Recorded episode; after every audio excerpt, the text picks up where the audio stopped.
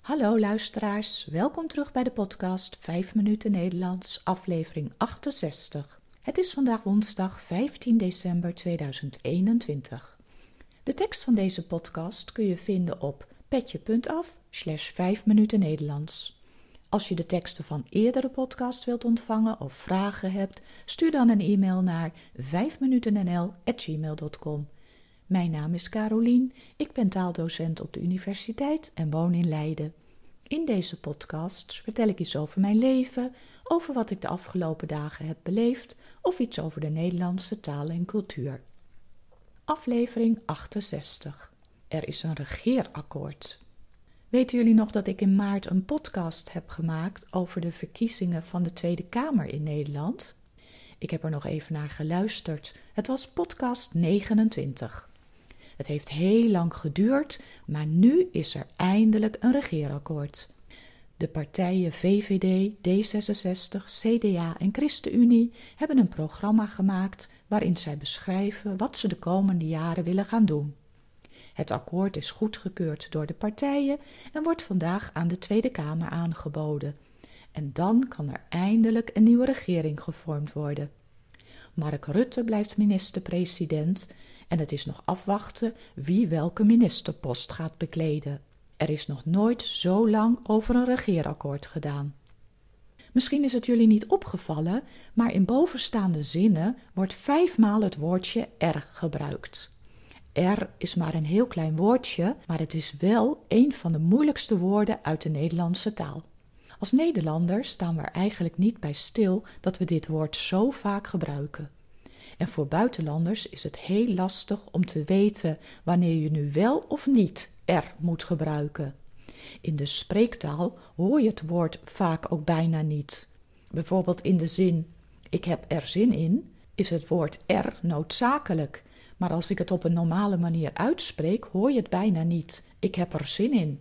En ook zo: Hij heeft er echt verstand van, wordt normaaliter uitgesproken als: Hij heeft er echt verstand van omdat ik veel vragen van luisteraars over dit woord krijg, wil ik er vandaag graag een beetje meer over vertellen. Er zijn allerlei soorten er. Zo kan er verwijzen naar een onbepaald onderwerp of indefiniet subject. Bijvoorbeeld, er lopen twee kinderen op straat. Er ligt een fiets in de tuin. Er rijden veel auto's in deze straat. Er ligt iets op de vloer. In het Nederlands kun je een zin nooit beginnen met een onbepaald voorwerp en je moet dus de hulp van er inroepen. Ook kan er een plaats vervangen. Bijvoorbeeld in de zin: Ben je wel eens in Amsterdam geweest? Ja, ik ben er tweemaal geweest. In Amsterdam dus. Werkt je zus bij de HEMA? Nee, ze heeft er wel gewerkt, maar nu werkt ze bij de bijenkorf. Er wordt ook gebruikt met een hoeveelheid. Hebben jullie twee kinderen? Nee, we hebben er drie. Koop je veel boeken? Ja, ik koop er altijd heel veel. En dan is er nog een categorie waarbij er wordt gebruikt bij werkwoorden met een vast voorzetsel. Bijvoorbeeld, kijken jullie altijd naar het 8 uur journaal? Ja, we kijken er bijna iedere dag naar.